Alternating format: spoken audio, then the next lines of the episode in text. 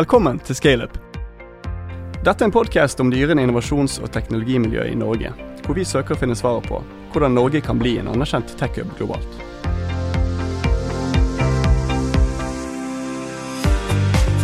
I dag har vi Helge Høybråten, CEO i Vimon, på besøk.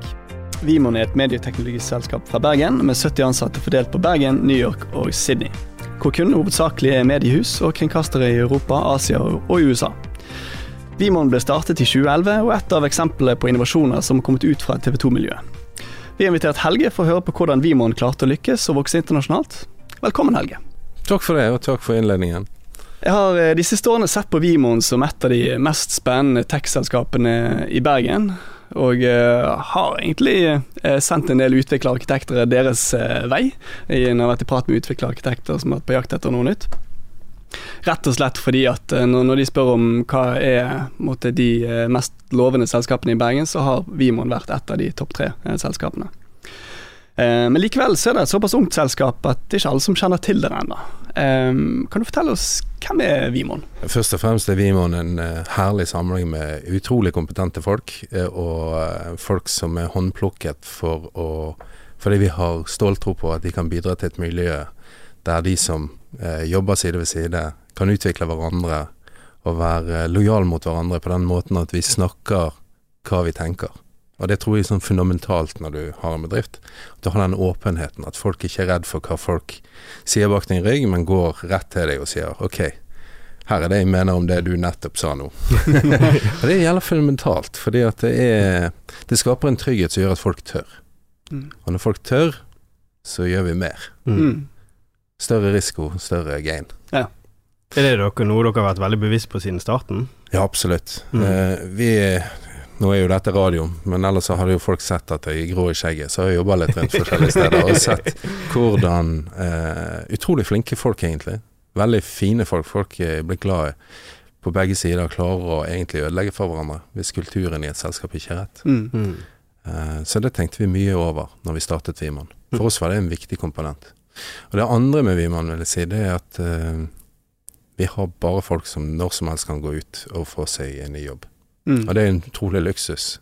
Vi er ikke liksom planken som de eh, hvor de jobber fordi de, de må ha penger og, og, lønn og sånn. Altså alle må jo ha det, men de kan gå ut og få det hvor som helst andre steder. Og det skaper også et helt spesielt eh, miljø. Mm. Når du har den type setting. For da må folk være der fordi at det er gøy å være hos oss. Fordi mm. at de kan utvikle seg hos oss.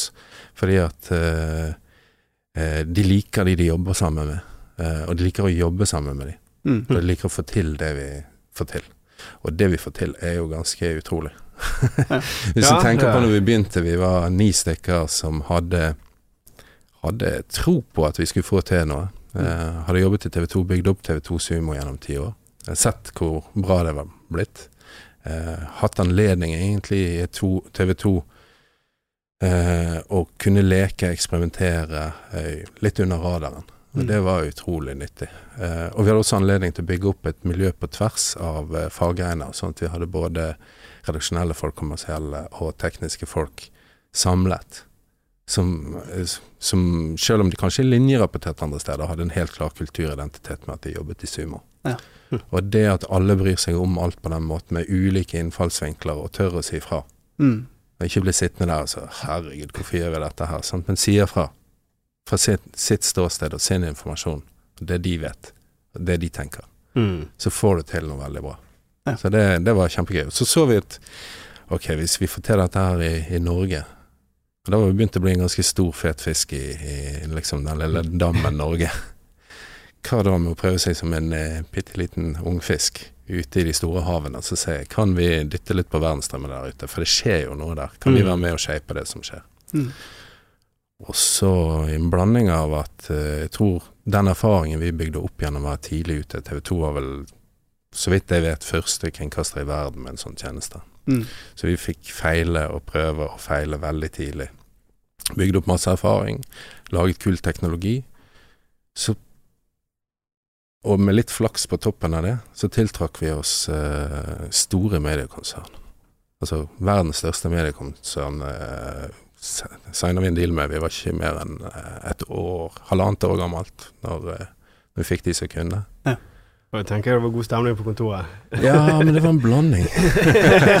jeg husker veldig godt at eh, han eh, sjefen som vi forholdt oss til i Comcast, han eh, eh, tok Etter at han fortalte 'vi går for dere', det er dere vi satser på. Vi satser på dere for dere er Jeg ser passion dere har, jeg ser kunnskapen dere har. Aller mest så ser jeg de folkene dere har. Så jeg stoler på dere, selv om dere har en bitte liten fjert i Bergen. Mm. Og det var helt utrolig. Mm. Hadde ikke forventa det i det hele tatt. Det var absolutt en deal vi ikke trodde vi skulle vinne. Og så vant vi den.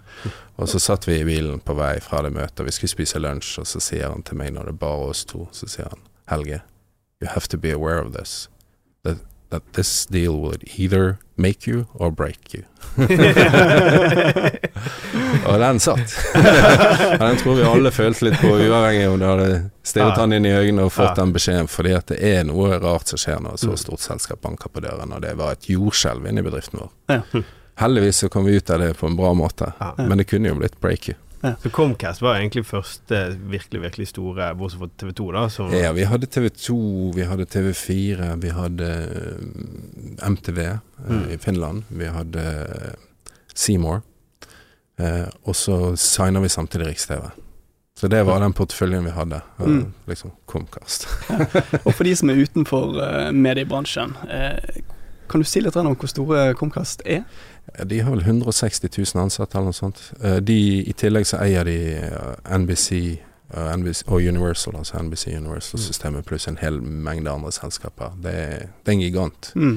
Jeg tror Disney er mer kjent, eh, og Disney og Comcast er omtrent like store. Mm. Såpass. ja.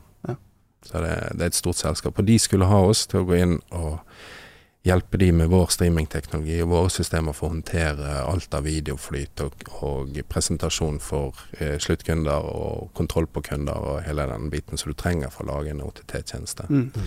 Eh, og eh, det var første gang de gjorde noe sånt. Mm. Så det var veldig spennende.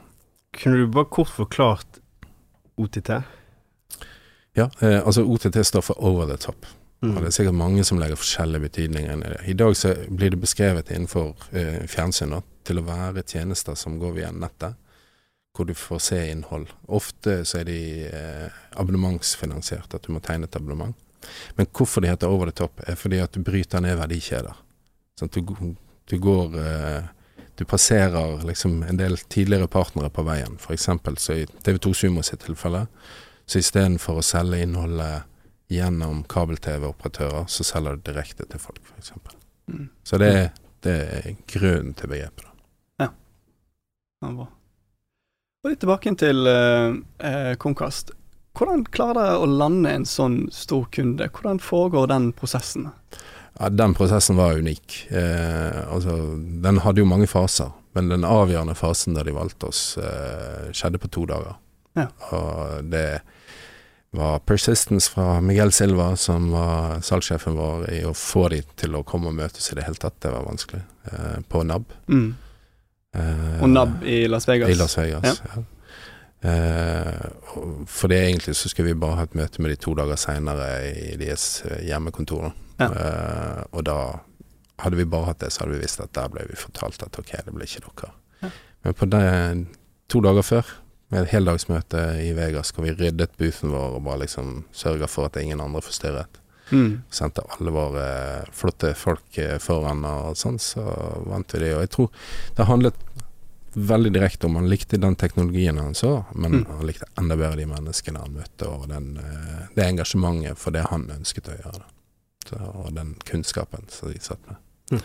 Så det var Da var jeg mektig stolt. Ja. Og litt sjokkert. Ja, ja. og, hva var da den neste store kunden dere vant ballet det på seg da med en gang, eller tok det litt ja, tid dere måtte bevise? Ja, ballet egentlig på seg. Så det var et jordskjelv, det der. der. Og når jordskjelvet begynte å, å sette seg litt, så, så var blant annet Det var flere ting som skjedde samtidig, men blant annet så så sto eh, en som heter Oskar, som jobber for oss eh, ute av Barcelona og reiste mye rundt. Han sa eh, Helge En tirsdags ettermiddag sa Helge you have, We have to go to Sydney.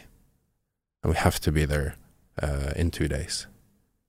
Og jeg så på han og sa hva du mener? Nei, for det, det er et selskap som ikke fins ennå, men vi må bare jobbe med dem.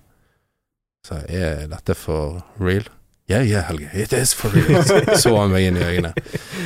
Og da var Glenn, som vi starta firmaet sammen med meg, vi var på vei til New York egentlig noen dager senere, så det endte med at vi, vi stolte på Oskar. Og vi eh, kastet oss rundt, ringte familien og sa vi, vi må bare dra. For det tar litt tid å komme seg ned dit.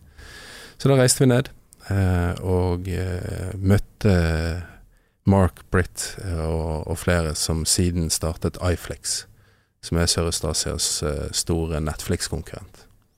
Og de fikk jo anledning før Netflix egentlig startet å være litt alene i området, i hvert fall med suksess. Det var ikke så mange andre aktører som hadde gjort noe stort her. Så det selskapet gikk fra null til jeg tror det er 600 ansatte eller noe sånt, på, og vi var med hele veien. Så vi, vi var, var, i gang med de før de hadde ansatt folk. Ja, ja. det var utrolig spennende. da. Ja, og det var fra null til x antall millioner kunder fra, fra dag én òg. Ja, de har millioner av kunder. i dag. Det skjedde jo ikke over natten, da. Det tar jo litt tid. Men, Ja, riktig. Ja. Ja, Okay. men det var nok et jordskjelv. Og vi har flere sånne eksempler. Så vi har, vi har vært heldige og tiltrukket oss veldig spennende kunder rundt omkring i verden. Vi jobber med alt fra liksom rene sportstjenester til rene nyhetstjenester. Vi har f.eks. Reuters eh, som kunde, som har veldig spennende produkter bygget på plattformen vår. Så det, det er veldig gøy. En av de store privilegiene i denne jobben det er å, å reise rundt og treffe utrolig smarte og hyggelige folk eh, rundt omkring i verden som jobber i et utrolig spennende skifte som er på gang. Og Det som er utrolig kult med medieteknologibransjen, er jo at dere har lykkes internasjonalt fra lille Bergen og, og lille Norge eh, med bravur. Eh, og Vi pratet jo med Atle Sivertsen eh, for en tid tilbake eh, om finansbransjen og fintech, og eh, det er jo mye som skjer der nå. Men det er ingen internasjonale suksesser der enda, selv om det er mye hype og mye potensial. Hva kan fintech lære av medietech?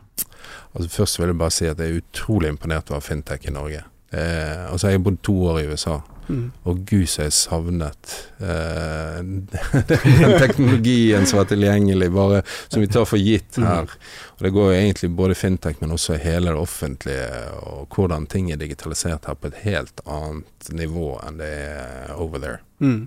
Er de fortsatt der? Er de fortsatt på sjekk og Ja, ja, det var, når vi åpna bankkonto der, så var det liksom Hvor mange sjekkhefter trenger du? Så jeg bare sjekk! Og det var i 2017? I 2015. Ah, 2015 til 2017. Ah. Og gudene skal vite, jeg brukte mye sjekk. Jeg måtte bestille flere hefter.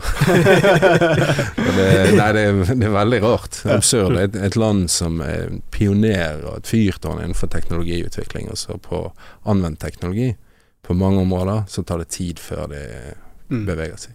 Så det, men det var jo litt morsomt. Altså Jeg er jo såpass gammel at jeg har faktisk hatt et he- sjekkhefte i Norge òg. Jeg tror jeg har skrevet én eller to sjekker i mitt liv før det var, slutt på det behovet. Men, men så først og fremst eh, veldig imponert over fintech-miljøet i Norge. Men jeg tror til forskjell fra oss, så hadde, har de kanskje en styrke som vi ikke hadde. Eh, og det var at de har mye kunder i nærområdet. Sant? Vi hadde ikke så mye potensielle kunder. Vi hadde, når vi begynte, så var løsningene våre rettet mot egentlig de aller eh, sterkeste i markedene. Så det er store, store aktører. Mm. Og du har ikke så mange av de Ja. i Norge. Du har noen, men Mm. når du har gjort de, så hvor skal du gå da? Så Mm. vi visste fra starten av at vi måtte jo være internasjonale i vår, eh, Mm. i vår tankegang. Ja. Mens fintech her har på en måte den luksusen at, eh, at det er mye kunder her. Og så kan det hende at det backfire litt da når du skal ut og jobbe internasjonalt. Mm. Det vet jeg ikke. Jeg, jeg er ikke ekspert på Jeg, jeg tror det er litt sånn som vi snakket med Atle om at de er litt i sånn forsvarsmodus mot alle de store aktørene som kommer globalt nå.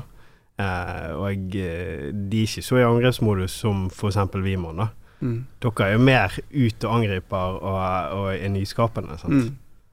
Ja, men de er veldig nyskapende her, og det vil jeg si i forhold til tilsvarende aktører i andre Ja. land.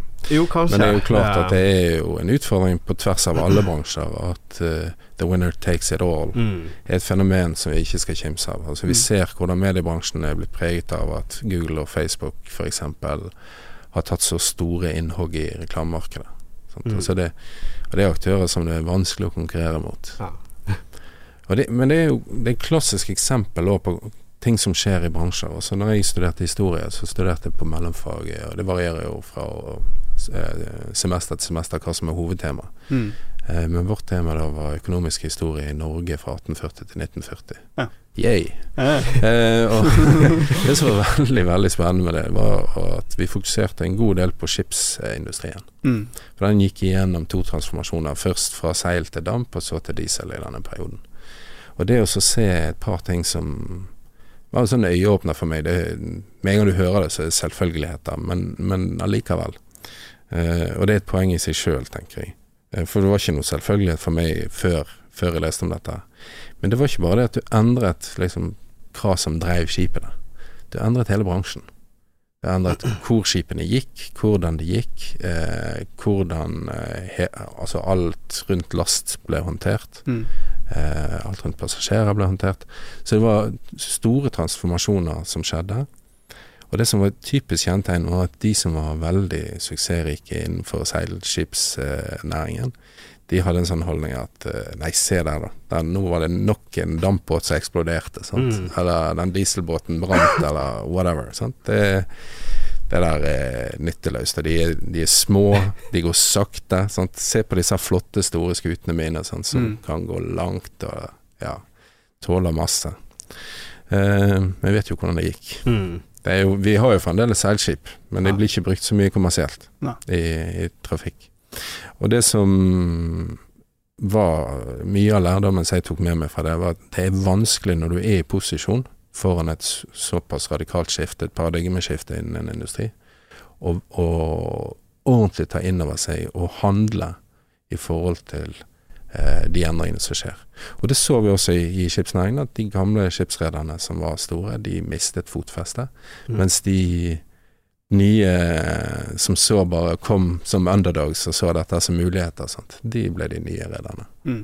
Og det, det endret hvilke byer i Norge som var viktige i skipsnæringen for en periode osv. Så, videre. så det, det har store konsekvenser. Hvis du da spoler frem til 2001 jeg ble bedt om å ta over ansvaret for eh, de eksperimentene som har blitt gjort rundt streaming på, på nett, og så se på hva skal vi gjøre med dette her. Er det en hobby for TV 2, eller hva er det for noe? Det, akkurat da var det bare tapsluk. Så tenkte jeg tilbake inn på det samme, og så så jeg på liksom hva er teknologigreier i skiftet vi står foran, sant? med internett og hele den biten der. I en tid da videokvaliteten på nett var ræva, så det var liksom tilsvarende at dampkjelene eksploderte, eller dieselmotoren brant, eh, så skjønte jeg likevel, eller var overbevist, vil jeg heller si, at eh, dette kommer til å endre fundamentalt vår industri. Derfor må vi gå inn, og så må vi tenke ikke på hva som er det beste akkurat nå. Vi må tenke på hva er det som setter TV 2 i posisjon. Hva er det som gjør at alle de fine folkene rundt oss kommer til å ha en jobb 10-15-20 år frem i tid. Og så jobber vi ut ifra det. Og jeg kjente igjen akkurat de samme greiene som jeg hadde lest om. Altså, TV 2 var jo kjempesuksessfulle, heldigvis det ennå. Eh, og eh, det var masse motstand internt. Hva i? Hvorfor skal vi holde på med dette her? Og det kan jo føre til at folk ser innholdet på nett istedenfor å se det på TV. Det er der vi har alle inntektene våre. Mm. Så det var mye, mye kamp om det. Mm. Jeg husker jeg snakka en del med Morten Holst, som, eh, som jobba i TV 2 Interaktiv samtidig med meg, og som senere gikk til Schibsted og, og VG og sånn. Han pleide å holde et veldig artig foredrag eh, som, eh, som egentlig alle burde se som jobber i mediebransjen. Og hvor han snakker om VG sin satsing på først på internett, og så på mobil som viktigste kanal. Og så sier han vi får, La oss si vi får én krone per annonse på, eh, per seer på papir, så får vi ti øre på internett, og vi får ett øre på mobil. Og hva gjør vi? Jo, vi satser alt på mobil. det er minst penger. Men hvis du ser på hvordan VG har klart å posisjonere seg Mm. etter hvert som utviklingen, og folk har flytta og endret sine brukervaner, så er det jo sannsynligvis fornuftig det VG har gjort. ja, det var ikke så dumt trekk eh, likevel, Men, men det å være så sterk tidlig og Mm. bare si dette er retningen, Mm. det er viktig. Og det er viktig i sånne transformasjoner, tror jeg. Mm. Selv om jeg blir beskyldt, og sikkert med rette, for å ha øynene litt langt frem av og til. Ja. Eh, tjener penger nå òg, liksom. så, så tenker jeg at det er viktig for å ha suksess på lang sikt. Men Hvordan vil du definere Vimon i dag? Er dere en, fortsatt en eh, first mover, eller en som på en måte er lenger framme enn de andre i forhold til tech? Og eh, det dere leverer? I mine øyne er vi det. Mm. Så kan andre sikkert ha andre vurderinger. Ja. Men jeg tror nettopp den uh, greien som vi har tatt med oss, og så gjør vi såpass på når vi rekrutterer, og, og blande på en måte folk med veldig sterk, tung faglig teknisk eh, kompetanse, men også folk med mediekompetanse, som gjør at du får Altså, alltid sagt at vår fremste USP er akkurat det. Altså vår unique selling point. Det er rett og slett det at vi forstår kunden. Og det får jeg høre fra kundene om igjen, om igjen, om igjen. Altså han som var kommersiell sjef eh, for Reuters og ansvar for Reuters TV og Reuters.com osv. Han sa det at når jeg snakket med dere, så følte jeg at jeg trengte ikke forklare noe. Dere skjønte hva, hva jeg skulle. Han skulle transformere og starte en ny business for Reuters. Dere forsto hvorfor jeg gjorde det, og hva jeg ville gjøre, hva som trengtes for å få suksess. Når jeg snakker med andre teknologiselskaper, så må jeg forklare dette her, og så må jeg liksom si dette trenger jeg, og alt sånt. så. Det som var ganske utrolig der, var at selv om vi hadde jo kjent folk i Reuters over en periode på to år, eller noe sånt, så ble mer eller mindre dealen gjort på tre kvarter. Og det var først og fremst bare gjort på en forståelse av at ok, vi matcher hverandre, vi forstår hverandre. Hm. Det, det tror jeg er noe av uniknessen vår. Og det fører også til eh, sånne ting som at eh, vi f.eks. nå da eh, revolusjonerer eh, videoredigering i større eh, nyhetssportsorganisasjoner. Fordi at vi, vi har skjønt, fordi vi sjøl har jobba der, flere av oss? Så, så skjønner vi hva er det som skal til for å gjøre livet til de som jobber med det, utrolig mye bedre. Sånn at de kan få gjort også veldig mye mer. Og det de gjør, har høyere kvalitet, fordi at de kan fokusere på historiefortellingene og ikke all logistikken rundt. Mm. Så, så sånne ting gjør at vi setter veldig høye krav til våre produkter og hvordan de skal fungere ute. Eh, og det merkes. Jeg tror Mm. derfor vi også blir veldig anerkjent for, for produktene våre. Sånn som det produktet der, så var CTO-en i amerikanske PBS. Han ble spurt av IBC, altså den eh, messen nede i Amsterdam med 55 000 besøkende og tusenvis av selskaper om å plukke ut liksom én ting som Cody sa eh, under showet. Og da plukker han ut dette produktet. Snakker om eh, Mm. det. Og det, det er litt sånn Ja, er Får litt sånn gåsehud Det- når sånne ting skjer. Sånn. Men det er takket være folkene våre. Mm. Og at de, de forstår eh, mer enn andre selskaper, tror jeg, hvordan eh, hvordan eh, verden er i ferd med å utvikle seg innenfor dette. Og det er ikke lett. Nei. Det er ikke lett i det hele tatt. Det er ingen av oss som har krystallkulen og kan se akkurat hvordan blir det. Men, men da, når du har en edge der allikevel, så merkes det. Ja, det er jo i dag eh, 70 ansatte. men Og det høres ut som potensialet kunne vært 700 ansatte. Er det noe som begrenser veksten deres der? Ja, altså når det gjelder veksten, så Vi vokser på en annen måte nå enn vi gjorde de første årene. De Ja. første årene så tok vi større totalansvar for eh, prosjekter til kunder. Så til og med for Comcast så gjorde vi liksom alt, lagde apper og alt mulig rart. Og vi gjorde det med iFlex, og vi har gjort det med flere andre. Og det eskalerer ikke så veldig godt. Spesielt ikke når hver av kundene er liksom på jordskjelvstørrelse. Så, så får du de der at Og plutselig så har du Jeg tror på det meste vi hadde 70 millioner et år i konsulentinntekter. Mm. Det er mye penger. Og, og, og når det da springer kanskje Jeg husker ikke hva vi hadde året før, men la oss si vi hadde 25 da. Året etter kanskje 30. Så det er veldig sprang i dette. Så det skalerer dårlig, og pluss at det fører til en litt sånn utydelighet på hva er vi. Er vi et Mm. produktselskap, eller er vi et konsulentselskap?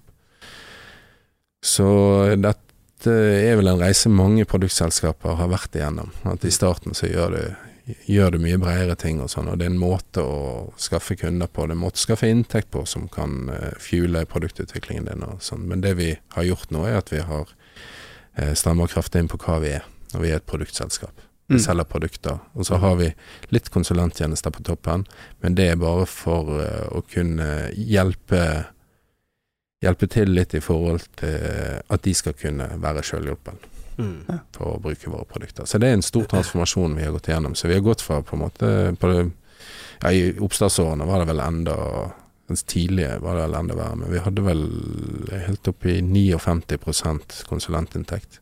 Mm. Nå er det på 6-7.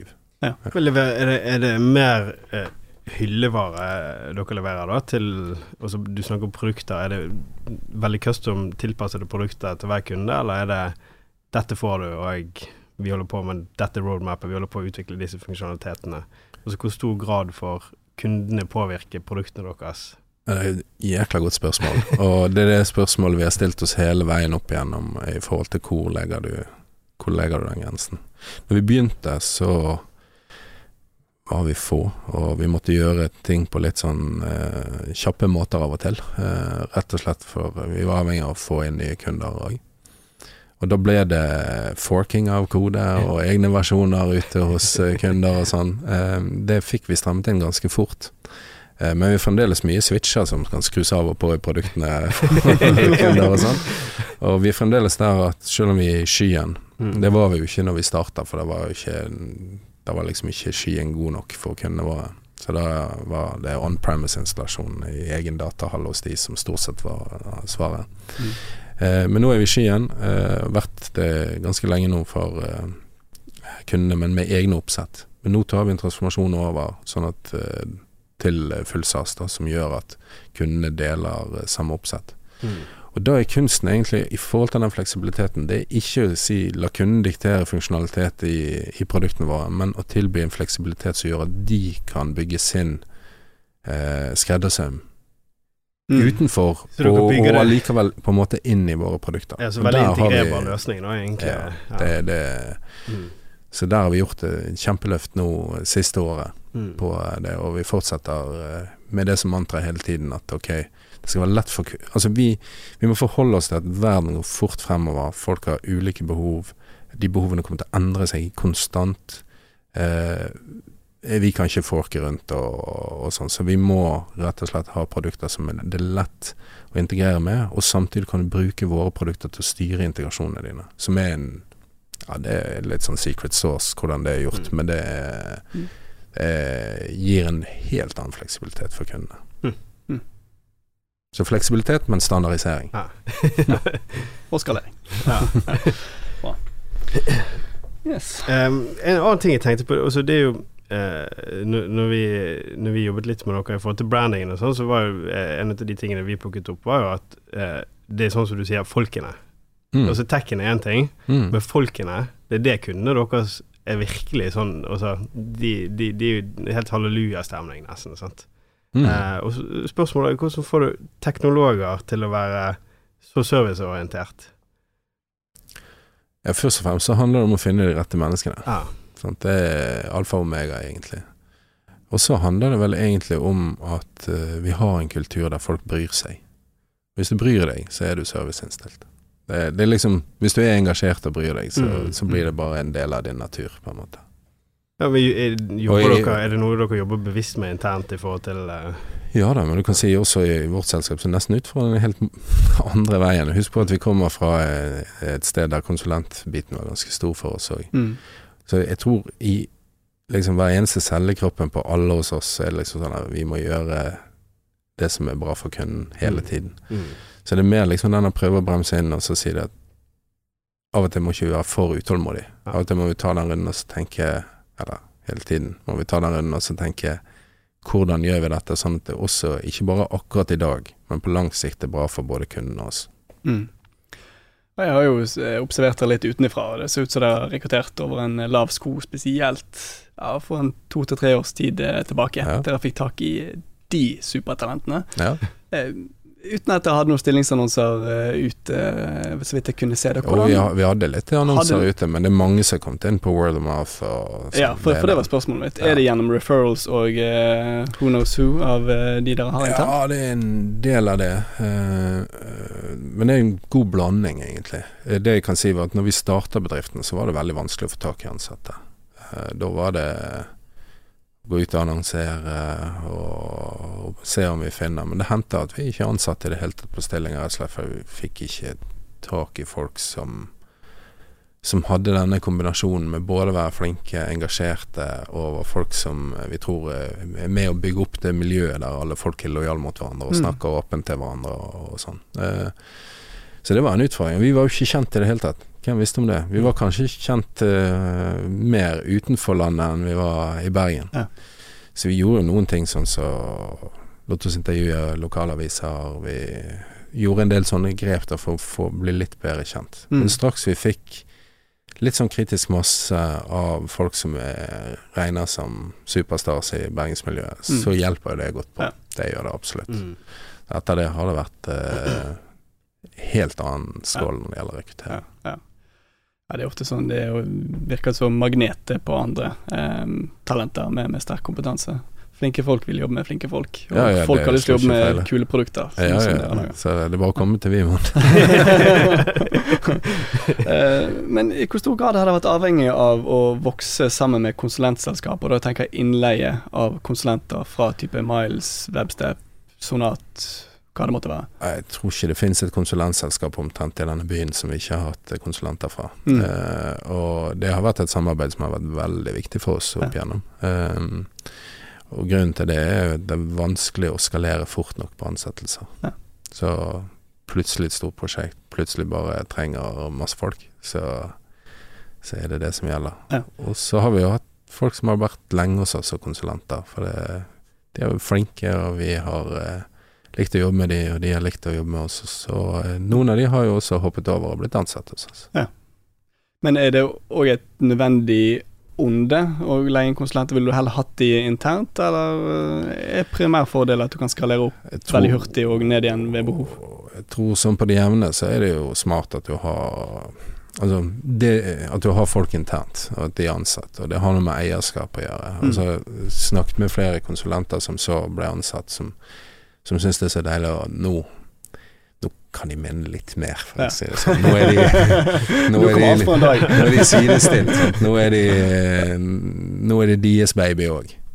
Men jeg tror mange av de konsulentene som både har jobbet og jobber hos oss, også føler at det er deres baby, dette òg. For det er spesielt. Det er spesielt å jobbe i den type bedrift. Ja, Hva er pitchen din, da, når du sitter der med en eh, seniorutvikler eller en arkitekt eh, som du vet har en veldig god jobb i dag, eller har andre muligheter? Hva er det du sier til vedkommende som gjør at de, de bikker over at det er greit, jeg kommer til Vimon? ja, nå er vi blitt så store at det er ikke nødvendigvis meg som sier dette, men jeg tror eh, det å fortelle dem at her eh, kan du virkelig ha det bra. Kanskje får ikke du den beste lønnen, sannsynligvis, eller med sikkerhet så kan du få høyere lønn ved å gå ut i et konsulentselskap et eller annet sted. Eh, men her kan du ha det jævla gøy. Her kan du lære utrolig mye. Vi har masse flinke folk som du kan lære av. Men du kan lære av å sjøl eh, ta spranget. Mm. Hoppe ut fra stupebrettet og, og ta gutsingen. Og, og du, du vet at det er folk rundt deg som er klar til å plukke deg opp av eh, vannet hvis du skulle ta mageplask og luften er gått ut av deg. Så det, og det er, det er ikke bare ord. Altså, det er, det er sånn det er hos oss. Mm. Og det tror jeg er veldig viktig for mange. Så blandingen av ok, det er internasjonalt eh, miljø, det er også veldig kult. Sant? Vi har eh, eh, vi har et sted mellom 15 og 20 nasjonaliteter bare ved kontoret i Bergen. Vi har internasjonale kunder. Og så er det jo kult. Altså, vi leverer teknologi som ja, mange, mange millioner mennesker bruker for å se på Mm. TV. Det er, er jo kult. Mm. Det er litt sånn småsexy, det. Ja, ja. Og så er det dette altså med miljøet og kulturen. Og det at vi setter egentlig eh, som det viktigste mantraet i selskapet, det er at selskapet eksisterer fordi folk skal ha det bra. mm. Altså de som jobber i selskapet skal ha det bra. Vi har no asshole policy. Vi har sagt nei til kunder som eh, vi ikke tror vil passe med oss, Ja. rett og slett. Det er ganske kult. Det er ikke alle som gjør det. Nei, og det er tungt av og til. Det er akkurat samme Mm. som vi har sagt nei til hotshots uh, innenfor uh, Altså folk òg, i forhold til ansatte. Fordi at nei, det, det er noe som ikke helt stemmer her. Mm. Men jeg tror det in the long run så er det det som gjør at uh, det har det gøy. Hvorfor skal vi gå på jobb hver dag Ja. hvis ikke vi har det gøy? Og så klart, noen dager er et helvete. Noen dager så er det bare sånn Hvorfor holder vi på med det? Andre dager så er det bare wow. Selvfølgelig holder vi på med dette. Hvordan kan vi holde på med noe som helst annet? Mm. Så det og Har det ikke vært mest av det, det har jo ikke vært noe vits i å være der. Og da er det tilbake til det jeg sa, snakket om helt i starten, at det er, en, det er et privilegium å jobbe i en bedrift der du vet at folk kan gå ut og finne seg jobb et annet sted. Fine jobber et annet sted. Mm. Det er utrolig bra, for det betyr at vi er sammen fordi at vi, vi tror på hverandre, og vi tror på at det er det stedet der vi får utviklet oss mest, vi får ha det mest gøy sammen, og vi gjør det med en gjeng med folk som vi liker å være med. Mm. Ja. Mm. Og tilbake til, eh, til 2011, når dere eh, gikk ut av TV 2. For dere eide 100% av TV 2? Vi eide 100 Ja. Kan du fortelle litt om hvordan den forretningsmodellen fungerer? Da tenker dere gikk ut Dere tok et miljø ut av eh, TV 2, startet et eget selskap. Ehm, hvorfor gjorde dere det, og hva er fordelene og ulempene eh, med en sånn type eierstruktur? Ja, det ligger jo veldig mange forskjellige spørsmål i det ene spørsmålet du stiller. Da. Men for det første, så hvorfor skiller det ut? Eh, Hvorfor ikke ha det som en avdeling i TV 2? handler jo om identitet på det ene. Altså du må skape en identitet som er, som er sterk og unik. Eh, og vi skal ut i et internasjonalt marked, en annen anbytter det. Så handler det jo om å gi eh, kunder og potensielle kunder en trygghet for at dette er liksom et selskap som står på egne bein, at det ikke er bare en hobby i TV 2. Mm. Så det er viktig. Ja. Men vi begynte faktisk eh, De første kundene kom inn mens vi var i TV 2. Mm. Men det var mer fordi de banket på døren og sa kan ikke vi bruke løsningen deres. Mm. Så, men eh, du spør sikkert også om hvordan fungerer det å være 100 eh, eid av, eh, av et selskap på den måten der. Eh, jeg tror de positive sidene ved det er at vi, vi er eid av et selskap som sjøl bruker våre produkter. Så det er et sted å også igjen høste synspunkter fra utrolig flinke folk i TV 2, som jobber med disse tingene hver eneste dag. Mm. Hvis vi kan eh, jobbe sammen med de, og så se OK, hvordan kan vi endre hverdagen deres litt, sånn at dere får utretta mer av det dere har lyst til å gjøre, og, og at dere bruker mindre tid på det dere ikke har lyst til å gjøre, f.eks. Mm. Så det er utrolig verdifullt for oss, for det er antagelig relevant Ja. ute i verden òg. Og sånn har vi jo vært med flere ting vi har gjort. At ok, vi har, vi har løst konkrete problemer i TV 2-systemet Mm. ved hjelp av dialog med veldig flinke TV 2-folk som jobber med dette hele dagen. Og så blir dette relevant ute. Ja. Så det er veldig positivt. Sånn som Vimon er posisjonert nå, så er dere dere har jo mye store kunder. Eh, hva gjør dere for å ta en enda større del av markedet globalt? Er det noen konkrete tiltak med Ja, Det er et godt spørsmål, eh, og det er et spørsmål jeg stiller meg sjøl akkurat nå. For det at vi, som vi snakket om, så har vi, vi har skalert på en annen måte tidligere enn det vi gjør nå. Sant? Nå er vi et mer rent eh, produktselskap, eh, fra å være en kombinasjon med, med konsulentvirksomhet. Og det Når vi gjorde det, så tok vi også et stort teknisk løft internt eh, for å tilrettelegge for det.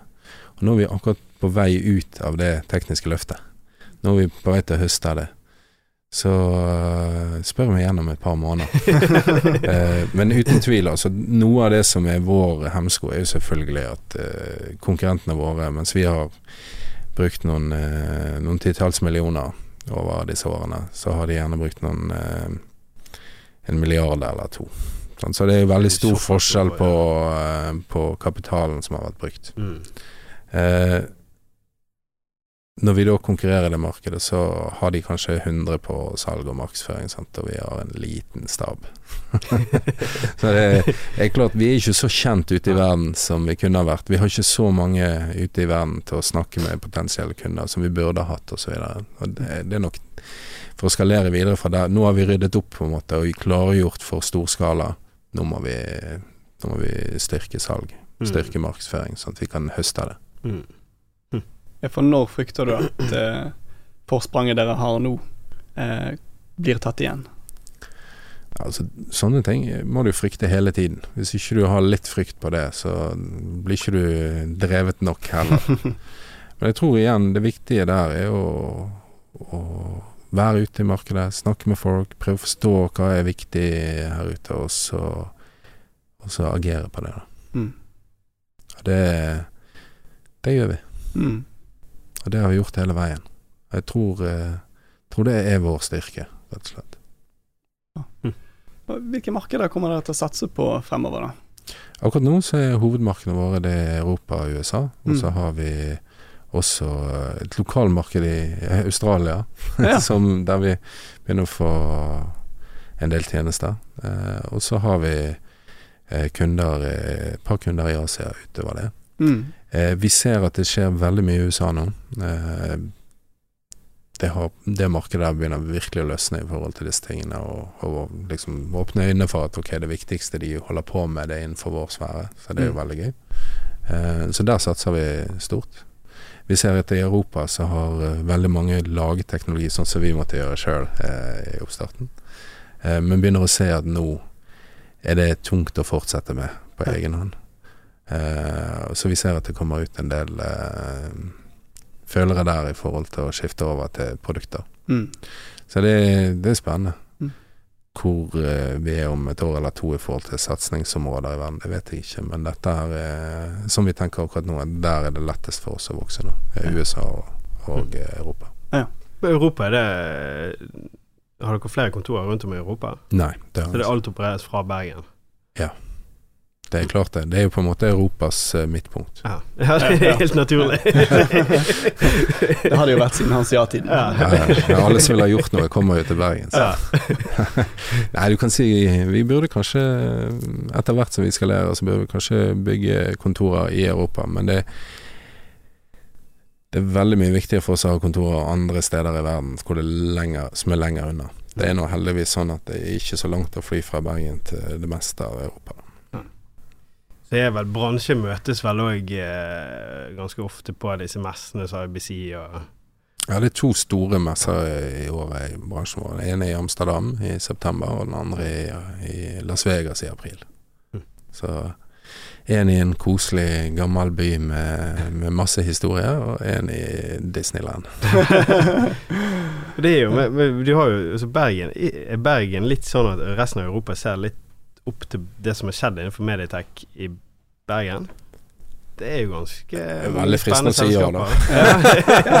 eller eller er, det kun, vi som tror det? ja, ja, ja, men det, vi, vi, vi har vel troen på at det, det er sånn det er. Men eh, eh, vi bor jo her og kjenner på miljøet. Men er det tilsvarende miljøer rundt om i resten av Europa, eller noen andre steder i Europa? Altså Det som er helt unikt i Bergen, og som TV 2 skal ha skylden for, eller, eller æren, er at eh, det har spunnet ut så mye bedrifter derfra. Så hvis du ser på medieteknologien i Bergen, så er veldig mye av det opprinnelige i hvert fall har vært knyttet til at folk i TV 2 har eh, sett muligheter. Sant? Her kan vi gjøre noe. Kjempespennende. Da kan vi få til dette her, men vi må bygge noe.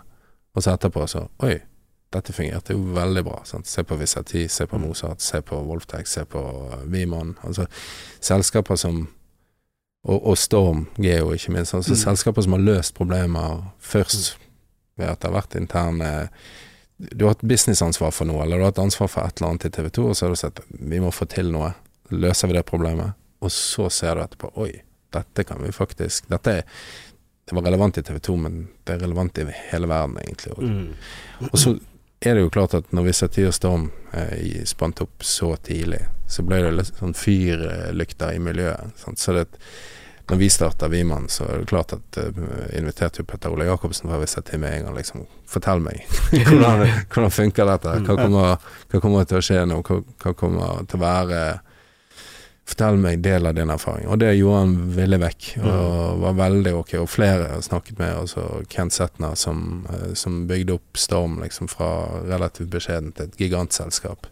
Det er utrolig nyttig å ha disse folkene i miljøet, at du kan Mm. snakke med de, bli inspirert av de, sant, og, Mm. og sånn. Og det, jeg tror medieklyngen i Bergen er oppstått av den effekten man hadde rundt TV 2. Den hadde aldri oppstått ellers, selv om en del av uh, veldig flinke selskaper her har har kommet uh, fra andre kanter og sånn. Så jeg tror den motoren som det er i, i miljøet, er utrolig viktig. Uh, og det, det gjør jo at Bergen har fått et helt spesielt miljø. Og det er ikke så mange andre steder jeg har sett det samme sånn rundt omkring i Europa. Og det er jo en kjent historie at eh, CTO-en i, i Tørner, var det vel, han kom Tørner, som har CNN, blant annet. Han kom til Las Vegas på NAB for ja, må ha vært fem år siden eller noe sånt. Da hadde han jo Kjente han godt Visati, og han hadde jobbet med de over flere år. Han kjente oss etter hvert eh, i Viman, og så kom plutselig Wolftech. Og så sier han ja, kul teknologi og alt sånt. sånn. Hvor, hvor i verden er dere? Nei, vi er i Bergen. Bergen? What is it with Bergen? Is it the center of the fucking universe, or what? Det er noe spesielt der. Du ser det litt andre steder at det kan være at du har den klyngeeffekten innenfor vår bransje òg, men det er, det er ganske unikt det som er i Mm. Bergen. Og jeg er også veldig stolt av det som vi har fått til med Media City Bergen, altså med den org- klyngeorganisasjonen. For det er lett for at sånne ting blir bare eh, fine ord og, og lite effekt. Mm. Eh, og til tider så kan du liksom tenke hva får vi igjen for alle disse pengene vi putter inn og alt det arbeidet og sånn, fordi at du er så travel i hverdagen, sant. Mm. Og så med, hver på sin tue. Men nettopp det at de klarer å dra oss sammen, bare som eksempel nå, vi kom eh, nylig hjem fra IBC i Amsterdam, der utstilte eh, 13 selskaper i medieklyngen sammen der nede. Fikk effekten av at potensielle kunder, eller eksterne kunder i ett et selskap kom og snakket med andre osv. Vi lanserte samarbeid mellom oss der nede. Blant annet så er vi nå fire selskaper som skal gå sammen om å revolusjonere nyhetsrommet til TV 2 Fyn. Som er en lokal-TV-stasjon i Danmark som er perfekt for å teste ut egentlig i litt småskala en helt ny, ny måte å organisere nyhetsproduksjon på. Mm. Og da har vi fire selskaper herfra som gjør det sammen. Utrolig kult. Ledet av Mediability. Mm. Mm. Og det, da viser det på en måte at det klyngearbeidet det Mm. gir effekt. Og vi har utrolig flink eh, leder i klyngen. Altså Anne er utrolig god til å bare drive på, jobbe til tross for at alle er opptatt for hver sin tue, til å få oss til å samles og Mm. få, og få gode ting ut av det. Mm. Det er veldig bra. Hun setter Bergen på kartet vårt òg. Ja. Så det er bra. Jeg vil jo tro at en del potensielle kunder og eh, ser litt til Bergen og ønsker kanskje å reise over og sjekke ut hva som egentlig foregår her borte, da. Absolutt. Og så har vi jo en fantastisk eh, lokasjon. Sant? Ja. Altså det, det er så å si til en i USA liksom at eh, komme til Bergen, altså her har du fjordene som er rundt, her har du liksom Fløyen, her er Bryggen og sånn. Og så kan du se hva vi holder på med i tillegg. Ja. Det er klart det er litt ekstra forlokkende. men hvis du kommer bort der, så kommer du til å bli helt frelst. Så eh, nei, vi har et godt utgangspunkt. Bergen er flott, flott utgangspunkt. Mm. Men det er jo selvfølgelig ikke på alle måter verdensnavle, da. Det er det jo ikke. Så det er viktig for oss å ha folk ute andre steder i verden, der uh, kundene er. Vil bare si kort om de ulike aktørene vi har i, i Bergen innenfor medieteknologi. Du var jo inne på Wolfdeck, Visati. Hva er det de gjør eh, som ikke dere gjør? Hva, hva er forskjellen på de ulike selskapene? Ja, det er en hel røys med selskaper etter hvert. Eh, fra bitte små Ja. eh, til gigantiske. Og det største av alle innenfor Medietek her er jo Visati, Mm. som kom ut eh, Hele bakgrunnen var at eh, når TV 2 starta, så måtte de jo prøve å skille seg fra NRK, men ha, bruke utrolig mye mindre midler. Jeg Mm. husker det var en som sa en gang at TV 2 samlede areal, altså kontorareal og sånn, tilsvarende parkeringsplassen der NRK parkerte produksjonsbussene sine. Liksom. så det, det var liksom skikkelig underdog-greie. Men det var hvordan skille seg ut. Og en av måtene var jo grafikk. Altså det TV 2 hadde ikke råd til å ha en gigantisk grafikkavdeling, men tenkte at ok, vi kan skille oss ut med å ha god grafikk. Ha grafikk i så mange av sakene våre som mulig. Bruke det som et fortellerelement. Eh, men da må vi gjøre det lett for journalisten å lage grafikk. Eh, selvfølgelig har du en grafikkavdeling i TV 2 som lager avansert, veldig kul eh, grafikk òg. Men det var det der må, må gjøre det til et redskap som alle kan bruke når de skal bygge historiene sine. Og så var det en i TV 2 som fikk beskjed om å ringe litt rundt og prøve å finne tak i en datamann, da. Eller data, som kunne hjelpe de å løse dette. Og så kom Petter Ole inn i, i TV 2-nyhetene, og resten er historien. Og det, ja, det er et av verdens største selskaper innenfor medietek. Så det er utrolig kult. Mm. Ellers er, er det mange selskaper i klyngen her. Mm. Mozart som som også kom ut av TV 2 og var Bakgrunnen for selskapet var at en nyhetsprodusent, Mats Grønberg, han hadde sett at ok, skal vi lage nyhetskanalen, så vi kan ikke sitte med ti-elleve stykker i nyhetskontrollen eh, gjennom hele døgnet. Det går bare ikke. Det er ikke økonomi i det. sant? Men han likte også å komponere musikk. Når han kunne sitte på Mac-en sin og få og få liksom lyden av et helt orkester Mm. ut av eh, å komponere der. Så tenkte jeg hvorfor Det er litt sånn sammenlignbart med å komponere en nyhetssending. Du har alle elementene som inngår der. Så lagde du et program som bare styrer alt dette, som gjør at én til to stykker kan sitte i nyhetskontrollen istedenfor. Ja, og tidligere var det Tidligere var det gjerne 10-11. Så Ja. det, det, det var en revolusjon i forhold til hva det muliggjorde at TV 2 kunne gjøre, da. Mm. Som f.eks. starte nyhetskanalen. Og dette her ble jo en suksess ute i verden òg, og ble også kjøpt av Visati, som er en del av Visati i dag. Mm. Eh, men det er mange andre. Du har, du har f.eks. Wolftech, som er søsterselskap av oss, som, som starta med en idé, og som pivoterte etter hvert og fant ut at ok, men det er noe helt annet egentlig vi skal løse. Og så nå har en, en nyhetsromløsning for å eh, rett og slett håndtere alle aspektene ved, ved det å lage historiene. Nyhetstilfang, eh, kontroll på hvem jobber med hva historier, et sted du kan skrive historiene, et sted du kan bygge rundown din for sendinger og publisere til sosiale medier osv. Hm. Og så har du jo Det er bare noen eksempler. Det er 60 som, eh, som lager interaktiv grafikk for, eh, for TV-tjenester. Også veldig kult. Eh, hatt stor suksess med NBA borte i USA. Mm. Og så har vi en fondgruppe nå, da, med Håvard Myklebust i spissen, som er gammel TV 2-er, som eh, har samla masse flinke folk under en paraply der med Mediability, med Mjoll og med Seven Mountains og, og, og flere, som en blanding av å ha det tradisjonelle salget som eh, salgsapparatet for teknologi til Norden. Altså alt fra kamerautstyr til servere og alt mulig rart. Eh, og løs, eh, mer og mer løsninger rundt det. Så mer en systemintegrator eh, enn tidligere. Men de har nå eh, småselskaper som akkurat har starta, som også går inn og er produkthus med veldig mye spennende produkter.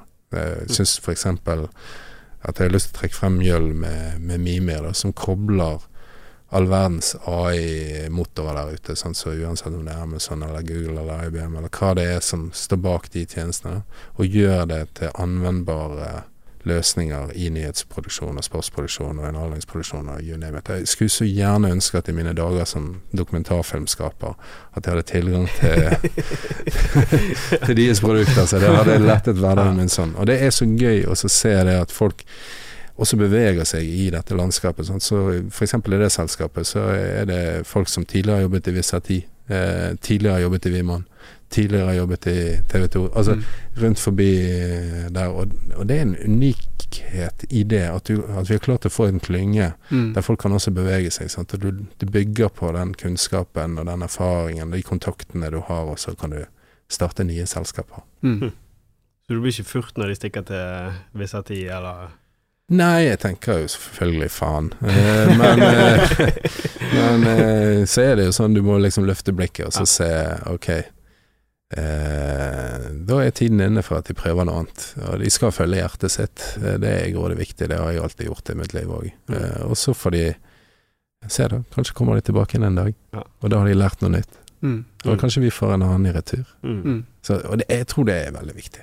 Du stimulerer hverandre, og lærer hverandre. Og det Mm. bygger også en tettere klynge. Så det Ja, Jeg føler medietech-bransjen har hatt en sånn hockeystick-utvikling siden uh, egentlig Wizard 10 og uh, dere uh, gikk ut fra TV2-systemet. Flater den ut nå, eller bare går den videre rett oppover? Jeg tror vi er i ferd med å se at den første bølgen innenfor eh, medietech, eller jeg vet ikke hva du skal kalle den den første blir veldig urettferdig for, for utrolig mange mennesker som har jobbet i mange tiår med medietech. Men, Mm. men eh, den første bølgen som vi var med på her nå, med OTT og sånn, den er litt over. Det var en bølge som handlet om at å faen, det skjer noe her, vi må gjøre noe, vi må teste ut, er dette viktig eller ikke. Nå går vi inn i den bølgen som er dette er jo det viktigste for vår eh, overlevelse fremover. Den, har, den ser annerledes ut. Mye tyngre satsinger og veldig spennende.